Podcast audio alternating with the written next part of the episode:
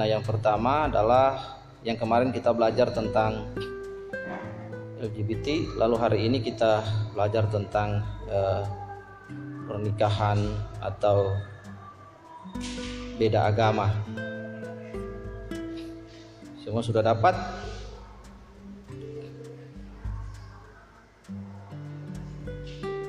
Ya, 2 Korintus pasal yang ke-6 ayat yang ke-14. Janganlah kamu merupakan pasangan yang tidak seimbang dengan orang-orang yang tak percaya. Sebab persamaan apakah terdapat antara kebenaran dan kedurhakaan atau bagaimana terang dapat bersatu dengan gelap. Nanti besok kita tulis nggak mirip ya. Oke, lihat di sini Bapak Ibu, mari kita tunduk kepala dan kita menyerahkan kepada kita pembacaan firman dan kemudian kita memperkarakan firman ini dalam kehidupan kita. Bapa di surga, di dalam namamu Tuhan kami Yesus Kristus putramu yang kudus. Dan oleh perantaraan roh kudus yang hebat roh Allah yang hebat terima kasih mohon kiranya advokasi kami agar kami mengerti firman Tuhan yang kami baca Rema Kristo yang kami baca hari ini sehingga Tuhan kami dapat memahami dan mengerti memperkarakan dalam hidup kami mengaplikasikannya dalam hidup kami. Sungguh kami mempercayai pernyataanmu dalam Roma 10 ayat 17 yang berkata bahwa iman timbul oleh pendengaran dan pendengaran akan firman Kristus di dalam nama Tuhan Yesus. Once again Lord we ask the Holy Spirit come to this place and give the wise understanding, the spirit of understanding for all of us so we can understand what we read from the Bible in this day. In the name of Jesus Christ our Lord we pray. Hallelujah. Amen. Nah Bapak Ibu dan anak-anak yang dikasih oleh Tuhan Yesus Mari sekali lagi dengan suara yang lantang Yang tegas Kita membaca firman Tuhan ini Janganlah kamu merupakan pasangan yang tidak seimbang dengan orang-orang yang tak percaya sebab persamaan apakah yang terdapat antara kebenaran dan kedurhakaan atau bagaimana terang dapat bersatu dengan gelap. Hari ini kita mempersoalkan tentang fenomena sosial yang kedua. Bapak Ibu dan anak-anak yang dikasihi perhatikan bahwa hari-hari ini kita melihat bahwa ada fenomena dan gejolak gejala sosial yang diikuti trennya oleh orang Kristen. Akhirnya orang Kristen menerima pendapat itu sebagai opini publik sebagai pendapat yang mereka aplikasikan dalam kehidupan mereka. Yang pertama, semua pendapat umum, semua pendapat opini publik di luar otoritas Alkitab sebagai otoritas hidup orang Kristen itu kita tidak boleh mendengarnya. Semua pendapat opini publik, pendapat umum, pendapat pribadi itu pun harus diuji dengan sola scriptura sebagai dasar Alkitab, sebagai dasar otoritas kehidupan orang percaya. Karena firman Allah itu berfungsi yang pertama untuk mendidik, membawa orang kepada kebenaran, menyatakan kesalahan dan memperbaiki kelakuan. Nah, hari ini kita melihat fenomena sosial yang terjadi adalah bahwa orang Kristen, anak Tuhan menikah, berpacaran, bertunangan dan kemudian memilih menikah dengan orang yang tidak percaya. Orang yang tidak percaya kepada Kristus. Bapak Ibu dan anak-anak yang dikasihi Tuhan Yesus, institusi pertama yang Tuhan ciptakan adalah rumah tangga atau keluarga. Dengar baik, yang pertama yang Tuhan ciptakan adalah kelu keluarga. Yang Tuhan ciptakan adalah keluarga, institusi yang paling pertama dari semua institusi yang lain. Dalam kejadian pasal 1 ayat 26 Allah memberikan mandat.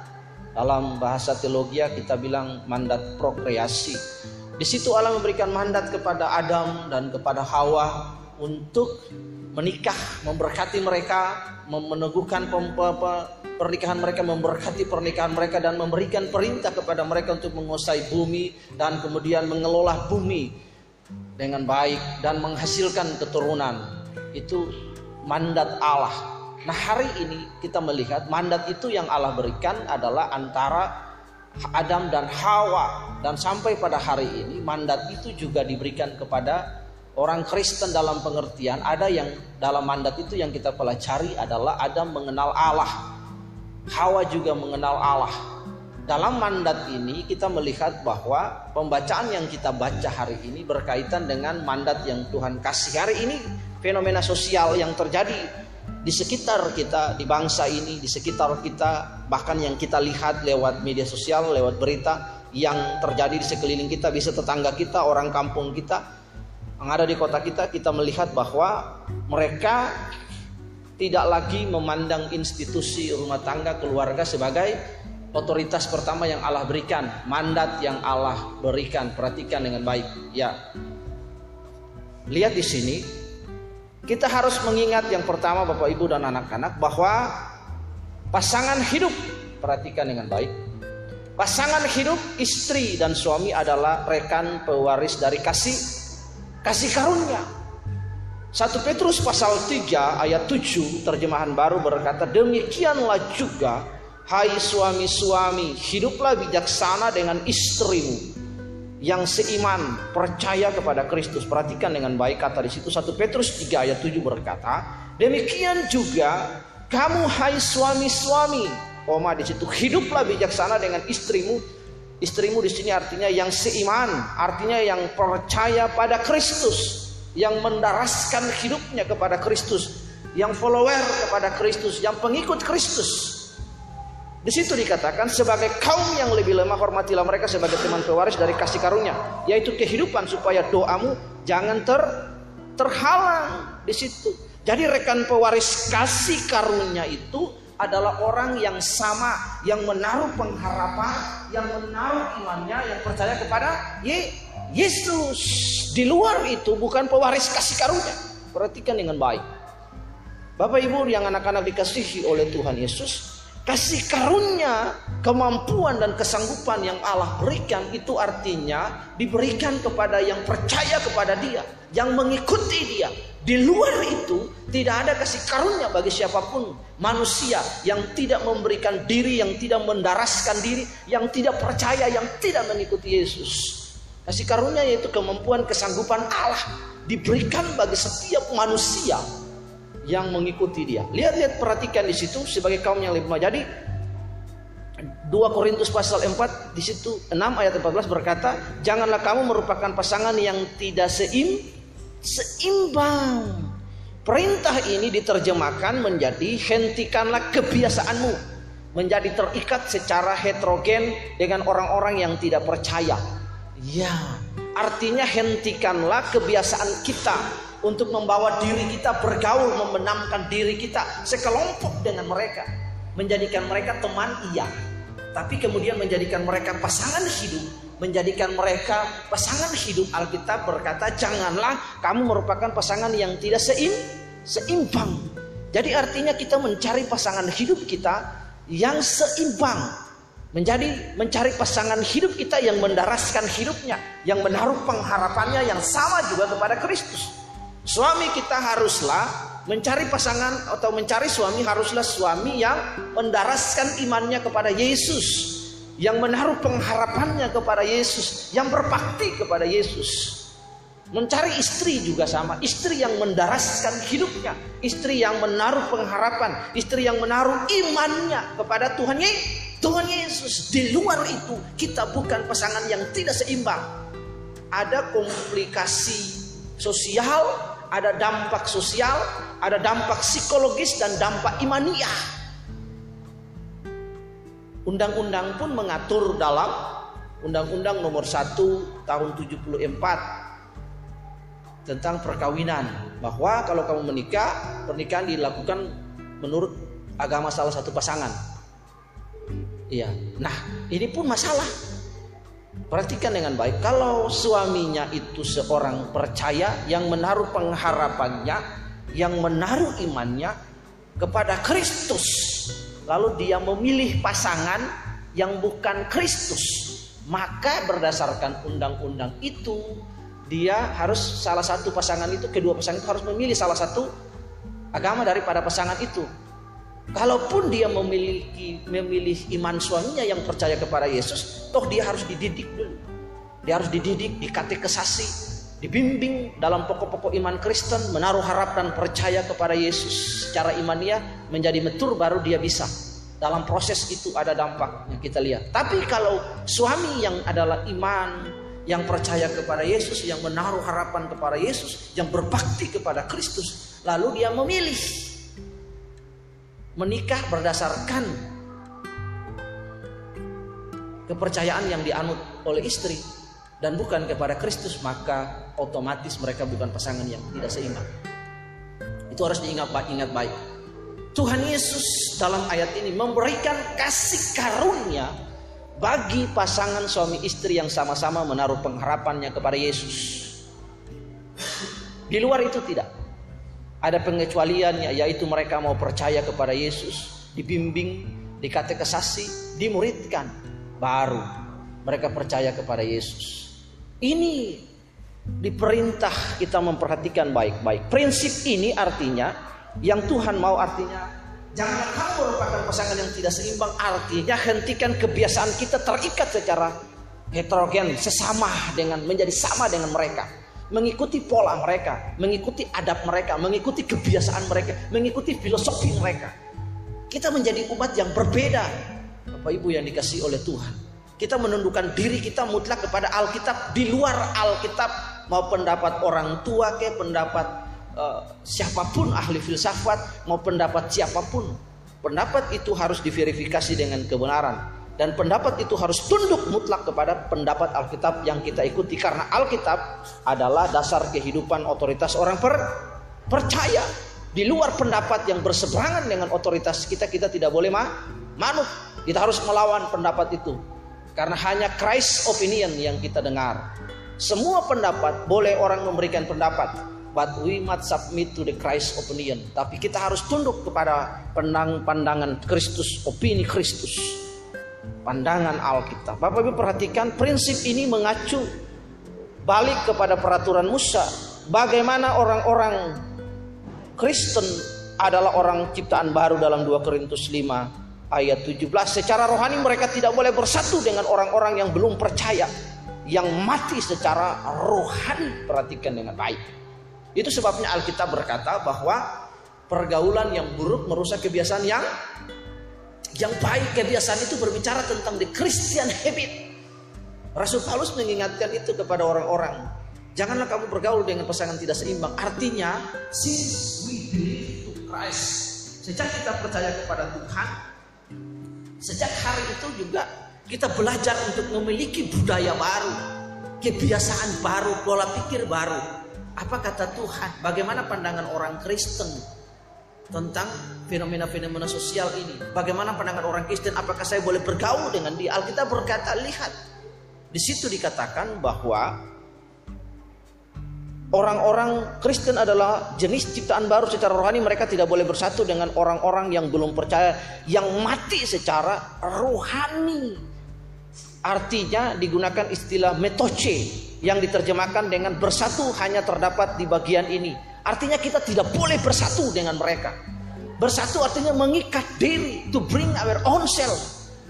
Lihat, karena percaya artinya mengikat diri, percaya artinya memberi diri pistewo, memberi diri to bring our own self to to Christ. Nah, kita yang sudah percaya kepada Yesus, Lalu kita kemudian bergaul dengan mereka, menceburkan diri kepada mereka, filosofi mereka, budaya mereka, kepercayaan mereka, hal-hal klinik mereka, opini-opini mereka tentang kehidupan Kita menerimanya dan kemudian kita menganggap bahwa pendangan pendapat publik itu adalah hal yang benar. Saya mau katakan, opini publik, opini orang, opini banyak orang itu bukan pendapat mutlak Alkitab, katakan amin. Ini yang harus kita ikutin. Kita harus benar-benar menjadi ortodoks sekali dalam hal kebenaran Alkitab. Di tengah-tengah dunia yang berubah dengan banyak pendapat, banyak pikiran, banyak asumsi, banyak premis. Pendapat Alkitab satu-satunya yang unggul segala zaman. Bapak Ibu harus ingat dengan baik. Satu-satunya pendapat yang harus kita turuti adalah pendangan dan pendapat Alkitab yang unggul segala zaman. Pendapat Alkitab harus kita turuti mutlak, tidak boleh membantah. Bapak Ibu perhatikan dengan baik. Karena itu istilah metoce diterjemahkan di sini artinya adalah bersatu hanya bersatu yang terdapat hanya pada bagian ini di seluruh perjanjian baru. Lihat di situ. Artinya Alkitab melarang kita. Alkitab berkata janganlah kamu merupakan pasangan yang seimbang dengan orang-orang yang tidak percaya. Artinya jangan kamu bersatu dengan mereka. Jangan kamu memberi diri kepada mereka. Jangan bersatu dengan budaya mereka. Jangan bersatu dengan pendapat mereka. Jangan bersatu dengan opini mereka. Jangan bersatu dengan kebiasaan-kebiasaan mereka. Gak boleh. Karena itu Alkitab berkata kebiasaan pergaulan yang buruk merusak kebiasaan, attitude, karakter kita yang baik, habit kita yang baik. Katakan amin. Paulus menjelaskan hal itu kepada orang-orang gereja di zamannya. Orang-orang Kristen pertama itu punya kebiasaan yang berbeda dengan orang-orang sekitar. Karena pergaulan, karena metode membawa diri, menceburkan diri, akhirnya mereka mengikuti pola pikir mereka. Bapak Ibu lihat, kita umat yang berbeda, kita tinggal di dunia yang sama, kelurahan yang sama, desa, kita bersosial iya, kita bersosial dengan mereka iya, menolong iya, tapi ingat satu-satunya pendapat, satu-satunya budaya yang harus kita ikutin cuman Alkitab tidak boleh budaya lain. Hal-hal yang tahyul, pendapat-pendapat yang tahyul, kebiasaan-kebiasaan yang bertolak belakang dengan kebenaran, kita tidak boleh ikutin Bapak Ibu. Anak-anak yang dikasih oleh Tuhan Yesus. Lihat di sini. Makanya kata berbagi artinya ialah berbagi keterlibatan. Bapak Ibu perhatikan kata anomia yang diterjemahkan menjadi kedurhakaan sesungguhnya berarti liar tanpa hukum. Artinya kalau kita merupakan pasangan yang tidak seimbang berarti kita sudah melanggar hukum yang mengatur bahwa kita harus seimbang. Hukum yang mengatur bahwa kita harus sama mencari pasangan dalam pergaulan, dalam pertunangan, dalam pacaran, dalam menikah dengan yang sei, seimbang. Itu Bapak Ibu, lihat di situ. Ya kalau Anda sekarang percaya Tuhan Yesus, lu Anda pagi-pagi menyembah. Bapak engkau sungguh baik. Yang satu lakukan dengan yang lain. Nyambung gak? Nggak nyambung. Rumah tangga, pekerjaanmu gak diberkati. Karena itu bukan pasangan yang seimbang. Katakan amin. Ini yang Tuhan mau. Itulah pun dari perjanjian lama Tuhan mendidik orang Israel supaya mereka mengambil yang seimbang, yang sama dengan mereka. Dalam peristiwa yang ada dalam perjanjian baru, di perjanjian lama itu ada sebuah kisah klasik di mana di situ Pinehas anak Imam Eleazar waktu itu mereka orang Israel membuat pelanggaran terhadap perintah Allah. Dalam bilangan 25 ayat 1 sampai 3, 6 sampai 9 saya baca bagi kita. Sementara Israel tinggal di Siti mulailah bangsa itu berzina dengan perempuan-perempuan Moab. Perempuan-perempuan ini mengajak bangsa itu berkorban sembel ke, ke korban sembelihan bagi Allah mereka Allah kecil, dewa-dewa mereka. Lihat di situ. Lalu bangsa itu turut makan dari korban itu dan menyembah Allah orang itu. Ketika Israel berpasangan dengan Baal Peor, bangkitlah murka Tuhan terhadap Israel. Kebetulan salah seorang Israel membawa seorang perempuan Midian kepada sanak saudaranya dengan dilihat Musa dan segenap umat Israel yang sedang menangis bertangis-tangisan di depan pintu kemah pertemuan. Ketika hal itu dilihat oleh Phineas, anak Eleser, anak Imam Harun, bangunlah ia dari tengah-tengah umat itu dan mengambil sebuah tombak di tangannya mengejar orang Israel itu sampai ke ruang tengah dan menikam mereka berdua yakni orang Israel dan perempuan itu pada perutnya, maka berhentilah tulah itu. Lihat di sini. Pinehas dalam perjanjian lama bilangan ini lihat Allah sudah memberikan perintah jangan engkau berpasangan dengan mereka. Tapi Israel tetap berpasangan. Murka Tuhan turun kepada mereka Pinehas meredakan murka itu dengan membunuh laki-laki Israel yang membawa perempuan itu. Dari hal perjanjian lama ini kita mengambil memetik pelajaran. Nilai yang kita ambil nilai kebenaran kita ekstrak bahwa Allah menginginkan penyembahan kepada dia saja. Lihat tidak kepada Allah lain. Karena ketika orang Israel lihat menyembah Yahweh menyembah Elohim berarti penyembahan tunggal mereka kepada Elo Elohim Yahweh. Nah kalau dia menikah dengan perempuan lain berarti ada Allah lain yang akan dibawa oleh perempuan itu. Satu-satunya Allah yang tunggal penguasa langit dan bumi ini yang kepadanya kita takluk cuman Yahweh Elohim Tuhan Yesus Kristus. Tidak boleh yang lain. Itulah sebabnya Allah begitu menjaga Israel sebagai umat pilihannya yang nanti melalui Israel ini Kristus lahir warisan keselamatan itu sampai maksud dan rencana Allah itu lewat bangsa Israel. Lalu kita melihat di sini juga Bapak Ibu sampai kepada perjanjian baru ini Alkitab berkata kamu jangan merupakan pasangan yang tidak seim, seimbang Bapak Ibu yang dikasih oleh Tuhan Yesus. Lihat di sini Bapak Ibu Ibrani 1 ayat 9 untuk melihat kontras yang sama, persamaan, lihat di situ. Karena ikatan pernikahan atau hubungan rohani dengan Allah, ketiga seseorang menikah, pernikahannya itu diteguhkan oleh Allah sebagai pencipta lembaga. Allah hadir menjadi saksi dia di sini. Ya kalau Anda nikah dengan pasangan yang bukan percaya kepada Yesus, yang tidak menaruh pengharapan kepada Yesus, yang tidak percaya kepada Yesus, bagaimana dia akan membangun hidupmu? Bagaimana dia akan menjadi istri yang baik kepadamu? Bagaimana dia menjadi suami yang baik kepadamu? Sementara suami tidak mengenal Yesus, istri juga tidak mengenal Yesus. Mereka hidup di luar kasih karunia itu. Karena itu Tuhan berkata, lihat di sini. Mari kita belajar hal ini bersama-sama. Yang Tuhan mau adalah kita tidak bersekutu dengan mereka. Mereka bukan pasangan yang seimbang bagi kita. Katakan amin. Ada sebuah lagu yang dinyanyikan oleh Vicky Salamor diciptakan atau dinyanyikan. Menurut dia saya tidak mengkomplain lagunya. Itu urusan dia, dia mencipta lagunya. Pasangan beda agama, itu urusan dia. Dia cipta lagunya, haknya dia. Tapi urusan saya adalah saya melarang umat Tuhan untuk mengaplikasikan, menyanyikan lagu itu menjadi menjadi pegangan filosofi karena tidak sesuai dengan filosofi Alkitab. Lihat di sini, Bapak Ibu yang dikasih oleh Tuhan, pasangan yang tidak seimbang dengan orang-orang yang tak percaya. Dalam pandangan Allah, umat manusia pada akhirnya digolongkan dalam dua kelompok, yaitu mereka yang ada di dalam Kristus dan mereka yang tidak ada di dalam Yesus. Hari ini Anda dan saya ada di dalam Ye, Yesus, ada dalam Kristus. Mengikatkan diri kita, mendaraskan hidup kita, menaruh pengharapan kita, berjuang untuk menjadi serupa segambar dengan dia.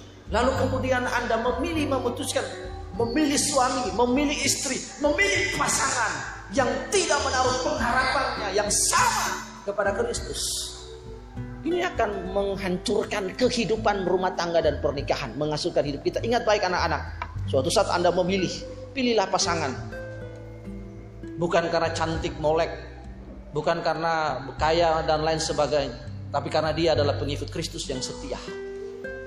Kalau dia pengikut Kristus yang setia, yang menaruh pengharapan, yang memiliki iman, maka kehidupan rumah tanggamu adalah kebahagiaan. Amin. Iya. Harta bukan satu-satunya yang membuat wanita itu bahagia. Uang dan lain sebagainya. Dalam hati nurani wanita yang paling dalam dia menginginkan suaminya itu mengasihinya bertanggung jawab. Ia memeliharanya. Jauh melebihi apa pun. Kita harus memperhatikan ini dengan jelas. Alkitab berkata, di situ kamu bukan pasangan yang seimbang. Memang kita bukan pasangan yang seimbang dengan orang di luar Yesus. Itu harus kita pegang baik-baik.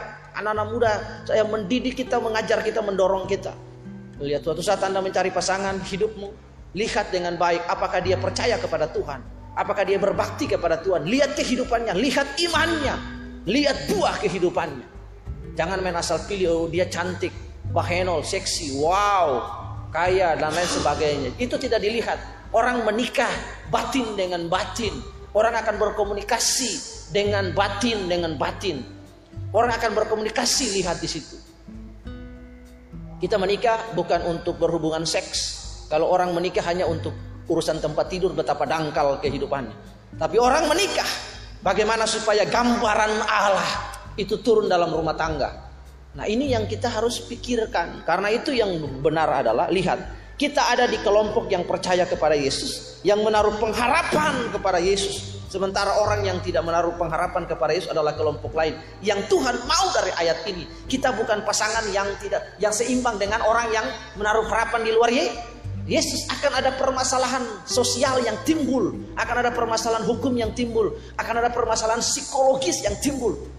Bapak Ibu, No kalau sama-sama kita menaruh harap, yang suami menaruh harap percaya pada Yesus, yang istri juga, maka mereka dalam komunikasi mereka akan sama-sama menuju puncaknya, yaitu ah, Allah.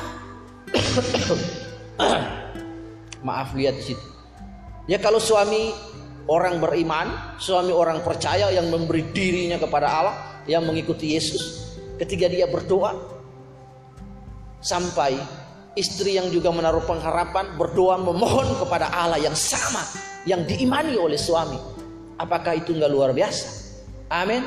Rahmat Allah, kasih karunia Allah, anugerah Allah itu turun bagi pasangan rumah tangga itu. Tapi kalau istri berdoa kepada Yesus, suami berdoa kepada yang bukan Kristus, bagaimana anugerah Allah kasih karunia itu turun?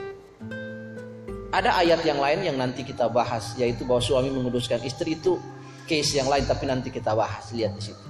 Karena itu saya mengharapkan mengajarkan kepada kita bahwa nanti kalau Anda memilih pasangan pilihlah orang-orang yang mengikatkan dirinya kepada Yesus. Karena Alkitab dalam 2 Korintus 16 ayat kedua, barang siapa yang tidak mengasihi Allah ter terkutuk anatema. Artinya yang harus Anda cari yang mengasihi Allah, yang Anda cari yang seiman dengan Anda, yang Anda cari yang percaya kepada Kristus, yang menaruh harapannya kepada Kristus. Itu yang Tuhan mau, Bapak Ibu dan anak-anak maja yang dikasihi oleh Tuhan Yesus. Lihat di sini, karena itu orang percaya jangan bermitra secara sukarela atau berhubungan intim dengan orang yang tidak percaya. Lihat, dengan orang yang tidak percaya menaruh harap berhubungan intim dengan mereka. Ada filosof banyak orang bergaul tidak pada tempatnya. Kita boleh menjadikan orang-orang itu sebagai teman tapi untuk berbagi nilai hidup, to share value, itu nggak bisa. Kita boleh share life, membagi hidup, menunjukkan kasih Kristus kepada mereka, iya. Tapi bagaimana Anda bisa bergaul dengan orang yang tidak sepengertian tentang Kristus? Karena itu Alkitab berkata pergaulan buruk merusak kebiasaan yang baik. Kita bukan pasangan yang tidak seimbang. Alkitab melarang kita untuk membenamkan diri, bersatu, mengikat diri dengan mereka. Karena itu lihat hal ini meliputi kemitraan dalam usaha golongan rahasia, kencan, pernikahan, persahabatan. Hubungan orang Kristen dengan orang yang tidak percaya seharusnya sejauh yang diperlukan dalam kaitan keberadaan sosial. Artinya sejauh yang tidak dilarang oleh Alkitab. Sejauh yang tidak dilarang oleh Alkitab, Alkitab mengajar kita boleh berbisnis dengan mereka. Kita boleh bertransaksi dengan mereka, bekerja sama dengan mereka. Tetapi yang paling penting adalah tidak memberi diri kita mengikat hubungan dalam pernikahan dengan mereka. Kalaupun mereka mau menikah, engkau harus kuat imanmu, mengajak mereka. Lalu dididik dia dulu dalam iman, pengharapan, nilai-nilai Kristen, pokok-pokok iman Kristen. Dia percaya kepada Yesus sama seperti Anda percaya, boleh menikah. Di luar itu tidak. Kalaupun ada orang yang datang ke sini, maka dia harus dididik dulu dalam pokok-pokok iman Kristen. Itu Fanli itu dulu kan sering datang ke sini berapa bulan tuh tiap hari Minggu kan. Kita didik dia dulu. Punya istri kan. Sampai kita habis itu baptis dia di atas di gunung. Ya. Nah, itu ada foto ya saya ingat terus sama Tante Eka gendong anaknya handuknya ditutup semua cis di gendong handuknya. Nah. Iya kan? Dia dididik dulu dia percaya dulu, menaruh pengharapan, memiliki pengetahuan tentang pokok-pokok iman Kristen, baru dia menikah dengan suami yang juga adalah Kristen. Tapi kalau tidak, nah, dia akan mencelakakan suaminya. Karena itu dipikirkan ada resiko-resiko yang lain secara sosial dan yang terutama adalah kebatinan, keimanan kita lihat di situ. Karena itu Bapak Ibu, ini dalam hal orang Kristen Hubungan orang Kristen dengan orang yang tidak percaya seharusnya sejauh yang diperlukan dalam kaitan ekonomi bisnis apa pun. Sejauh kita boleh membangun bisnis dengan mereka, bekerja sama, berrelasi sosial, menolong mereka, menunjukkan kasih Kristus kepada mereka. Tetapi untuk memilih mereka menjadi pasangan rumah tangga, menjadi pasangan istri dan suami, maka mereka harus dibawa kepada kebenaran mereka harus dididik kepada kebenaran. Supaya yang suami yang tidak percaya memiliki iman yang sama dengan istri. Supaya istri yang tidak percaya memiliki iman yang sama dengan suami. Ini yang Tuhan mau. Nah fenomena sosial ini kan anak-anak muda sering mengikut oh tidak apa-apa. Nanti saya bawa dia. Yang paling terjadi yang paling sering banyak yang terjadi banyak anak muda Kristen ketika menikah dengan pasangan yang tidak seimbang mereka berkata kenapa nanti pasti saya bawa dia ke gereja? Pasti dia percaya Tuhan. Iya Akhirnya pendeta mengalah. Pendeta juga berpikir, oh iya pasti nanti kita bimbing dia. Belum tentu. Sebelum masuk pernikahan bagi saya pribadi, sebelum masuk pernikahan dia harus dididik. Dia harus dididik. Jangan sesudah masuk pernikahan baru dia dididik. Sebelum masuk pernikahan, sebelum diberkati. Mereka harus dididik dalam kebenaran, harus dikatekisasi, dimuridkan, disomkan istilahnya begitu. Dibaptiskan dalam kebenaran. Baru mereka bisa diteguhkan. Karena istri akan berdiri dengan imannya yang baru kepada Yesus. Suaminya akan berdiri di hadapan Allah dengan iman yang baru kepada Yesus. Baru Allah turun hadir menjadi saksi dalam pernikahan itu. Yang satu percaya Tuhan, yang satu nggak percaya Tuhan. Belum punya pengertian dan pemahaman tentang Kristus. Lalu Anda memberkati mereka. Jangan hancur itu pernikahan, hancur hidup. Kita boleh berlakukan apa pun. Lihat di sini. Jalan Kita boleh bergaul dengan orang yang tidak percaya seharusnya sejauh yang diperlukan dalam kaitan dengan kebutuhan sosial atau ekonomi atau untuk menunjukkan jalan keselamatan kepada orang-orang yang belum percaya. Kita bergaul dengan mereka untuk menunjukkan bahwa kasih karunia Allah, bahwa Kristus datang, bahwa tidak ada nama lain di dunia ini yang menyelamatkan hanya Tuhan Yesus. Kita bergaul dengan mereka, mengasihi mereka, bahkan seperti diri kita sendiri. Tapi untuk memilih menjadikan mereka suami, menjadikan mereka istri, menjadikan mereka pacar, ada kaidah Alkitab yang mengatur kehidupan kita. Katakan amin. Ada nilai dan norma Alkitab yang mengatur kehidupan kita bahwa mereka bukan pasangan yang seimbang. Mereka harus mendaraskan hidupnya, harus percaya kepada Yesus. Ini yang harus kita pegang, yang kita pedomani dalam kehidupan. Lihat, sebab persamaan apakah yang terdapat antara kebenaran dan kedurhakaan atau bagaimana terang dan bersatu dengan gelap? Lihat, Kebenaran dan kedurakan itu dua itu berhal yang berbeda. The things, the things that different. Lihat di sini. Terang dan gelap juga nggak bisa bersatu. Light to light, dark to darkness. Lihat di situ. Nggak bisa. Jadi Tuhan memanggil kita. Katakan amin. Ini Tuhan memanggil kita untuk menjadi perbedaan. Ini fenomena-fenomena sosial ini yang ingin saya ajarkan kepada kita kepada generasi kita, kepada anak-anak kita untuk membangun hubungan, membangun relationship, membawa diri kita kepada Tuhan. Fenomena-fenomena sosial ini kita tinjau dari segi iman Kristen supaya kita berbuah, kita bertumbuh dalam kasih kasih karunia. Ini yang Tuhan mau Bapak Ibu yang dirahmati oleh Kristus Yesus dalam kehidupan kita. Janganlah kamu merupakan pasangan yang tidak seimbang Artinya membawa diri kita, mengikatkan diri kita menjadi serupa segambar dengan mereka. Pada bagian lain Petrus, Paulus, maaf, Paulus pun melarang mereka untuk bersekutu. Nah ini, lihat betapa kita harus menjaga hidup kita dari ruang lingkup bergaul kita juga. Berteman itu boleh, perbedaan antara teman dan sahabat itu berbeda. Kita boleh berteman dengan siapa aja, tapi untuk bersahabat. Sahabat itu artinya deeply relationship, lebih daripada teman. Di situ kita bisa membagi nilai-nilai hidup, bisa membagi kesaksian iman kita. Kita bisa sharing kehidupan, berbagi nilai di situ. Ya kalau Anda mau membagi nilai dengan orang yang tidak punya imaniyah, yang tidak punya batin yang sama, ikatan emosional kepada Kristus yang sama. Bagaimana mereka dapat menerima itu? Kalau Anda bersaksi Tuhan tuh tolong saya, Tuhan Yesus itu baik. Lalu yang tidak percaya ini, oh gitu, kan? Iya, tapi kalau anda bersaksi, lihat kepada orang yang emosionalnya sama dengan anda, memiliki pengetahuan yang sama tentang Kristus, menaruh harapannya kepada Kristus. Ketika anda bersaksi, Tuhan tolong saya, Tuhan memberkati saya. Yesus luar biasa, dia akan berkata haleluya amin saudaraku. Iya kan? Saya juga mengalami hal yang sama ada banyak kesian. Jadi akhirnya saling menguatkan, saling membangun. Lah kalau pasangan Anda bukan pasangan yang menaruh pengharapan kepada Kristus. Saya membayangkan rumah tangga seperti apa yang akan dibangun. Anda menaikkan doa kepada Tuhan, dia menaikkan doa bukan kepada Tuhan. Iya.